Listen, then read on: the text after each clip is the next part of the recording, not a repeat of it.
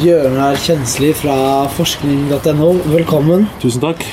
Hva er det folk føler når de liksom kommer i en kolonihage? Jeg har ikke så mye resultater hva folk føler, men jeg har uh, kommet over noen studier som viser at, man, uh, at det kan uh, være sunt å ha kolonihage. det er vel egentlig ikke akkurat det de viser heller, men jeg kan gå nærmere inn på det. De viser nemlig at folk som har kolonihage, veier mindre og har lavere risiko for hjerte-karsykdommer og sånne fedmesykdommer. ganske mye, faktisk. Altså, de har Kvinner som har kolonihage, har en kroppsmasseindeks som er 1,84 poeng lavere enn andre kvinner i samme nabolag. Dette er en amerikansk studie. da. Og to BMI-poeng er ganske mye, egentlig. For man har jo en BMI på ja, vet ikke 25, altså 35, da er du jo veldig overvektig, men 25 er man ganske normalvektig.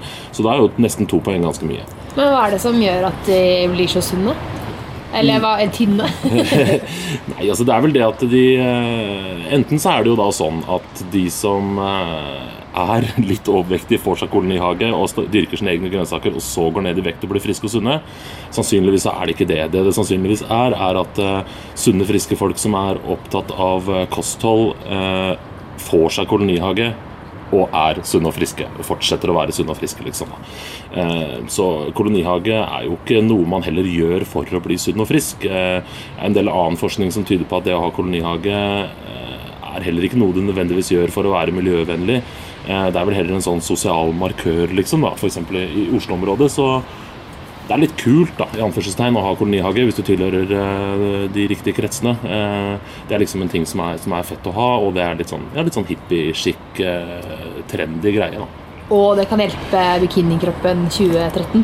Ja, men da må du Disse parsellene som er rundt her, er ganske patetisk små. da, Så du blir ikke sånn veldig trening av å gjøre våronna på en bitte liten parsell som er to ganger to meter, liksom. Så det er vel ikke kjempegod trening, men det er et, en måte å få eh, et godt forhold til hva du spiser. Du veit akkurat hvor du kommer fra, og du får rørt litt på det, og du blir kanskje brun. Men sånn som her i kolonihagen så er det jo veldig utbredt med blomster. Mm. Det, er ikke, det, er ikke, mange steder igjen man dyrker maten selv, er det det? Nei, ikke sant. Og det er, det er, nettopp det. Og det er jo heller ikke de som virkelig trenger en kolonihage, som har en kolonihage i, i Oslo. Altså det er jo eh, Det går jo i arv. Eh, jeg har jo vært inne og, og sjekka hvor lang tid det tar å få seg kolonihage, og da må du betale 200 kroner i året i minst ti år før det blir en kolonihage på deg. Altså du må betale underveis mens du søker.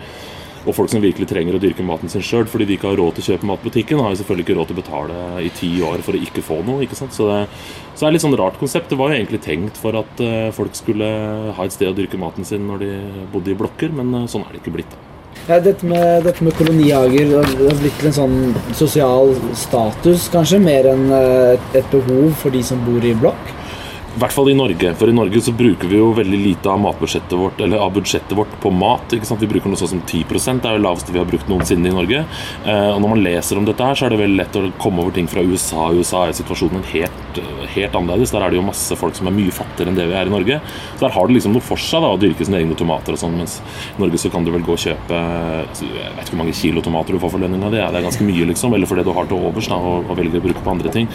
Men likevel så ser man på kolonihager som en sånn sånn eh, bevisstgjøringsgreie. da, så Hvis man skal lage sånn eh, klimanøytrale bydeler f.eks., eller, eller, tettsteder som skal være klimanøytrale, så er ofte kolonihager en del av det. Det er et sted som heter Brøset i Trondheim, hvor de skal eh, bygge en sånn klimanøytral bydel. og Da er, er kolonihager en viktig del av det.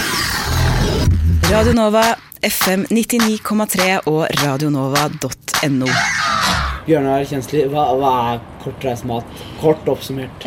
ja, Kortreist mat er jo eh, kort oppsummert eh, mat som du veit hvor kommer fra, og den kommer fra nabolaget ditt. Så det er eh, mat hvor du kjenner bonden, egentlig. da. Men er det ikke også at det på en måte ikke er reist så langt.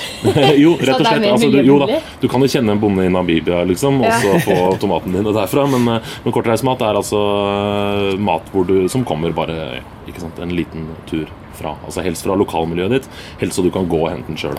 Mm. Men, men, jeg tenker kortreist mat, fordi altså Ringnes øl kommer jo liksom fra Oslo, men så tenker man jo nesten at Nøgnø fra Grimstad er mer kortreist. Har det noe hvordan man markedsfører kortreiste maten nå? Absolutt, og det er eh, noe som man har merka veldig sterkt i USA, hvor plutselig de store kjedene begynte å lage såkalt økologisk mat. Økologisk mat er jo et kjempemarked eh, rundt i verden, også i Norge. da. Eh, det er litt dyrere og det er kanskje litt mer trendy å spise det, og folk tror det er sunnere. ikke sant? Så når plutselig Walmart og sånn begynner å selge økologisk mat, så blir jo folk skeptiske skeptisk, for dette er jo de store konsernene er jo folk skeptiske til. Eh, så da vil man heller ha kortreist mat. Eh, og det samme kan man vel kanskje si om, om Ringnes og, og Nøgnø og sånn. Man er skeptisk til Ringnes fordi det er så svært, ikke sant? så da mister man oversikten. Men det er mye finere å se for seg et sånt lite bryggeri ute på Jæren som lager noen få flasker med øl, og som du kan kjøpe for 100 spenn, ikke sant? enn en, en av de svære massene med øl. Så, så det er litt derfor man tenker på det sånn, tror jeg. Men når man, eh, når man ser på, på kortreist mat eh, her, her til lands, da, hva, hva er det man kan trekke frem av det? Hva er typisk? For I Norge så har man jo ikke de største mulighetene til å ja, gro tomater eller mm. den type ting? Er det, er det, kjøttet vi spiser som skal være kortreist? Eller, altså? Ja, altså det er jo grønnsaker man stort sett tenker ja. på egentlig når det er kortreist mat. Eh, litt av problemet med Norge er jo at er så, vi er så sesongbetinga.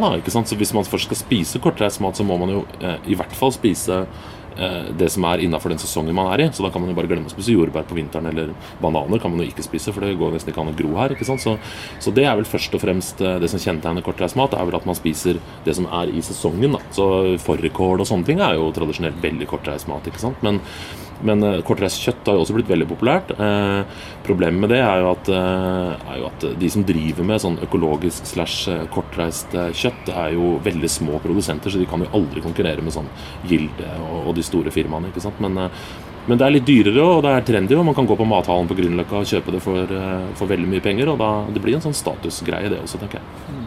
Eller så kan man få sånn kolonihage. Og litt jo, men det er litt vanskelig å ha griser på den. Jeg tror ikke det er lov, eller kolonigrisehage. Ja. Det hadde vært fint. Mm. Det er kanskje viktig å si at En av de hovedpoengene med kortreist mat er jo det at man har kontroll på det man spiser. hvis du, hvis du kan se gården der maten din kommer fra, eh, og du ser en eh, koselig bonde i flanellskjorte som går rundt og, og, koser med grønnsakene sine, så er det litt mer sånn fristende enn, eh, enn å bare kjøpe noen anonyme pakker med noe som du ikke aner hvor kommer fra. Som kommer fra halvveis rundt jorda. Et av problemene med det er at man tror liksom det skal være så miljøvennlig og veldig sunt. Det er det egentlig ikke, da, sammenligna med mat som lages supereffektivt i, eh, i store jordbruksland. ikke sant? Så det, eh, Når man sender flere tonn med mat over hit, så, så blir utslipp per tomat fra Afrika mye mindre enn utslipp per tomat som jeg dyrker sjøl.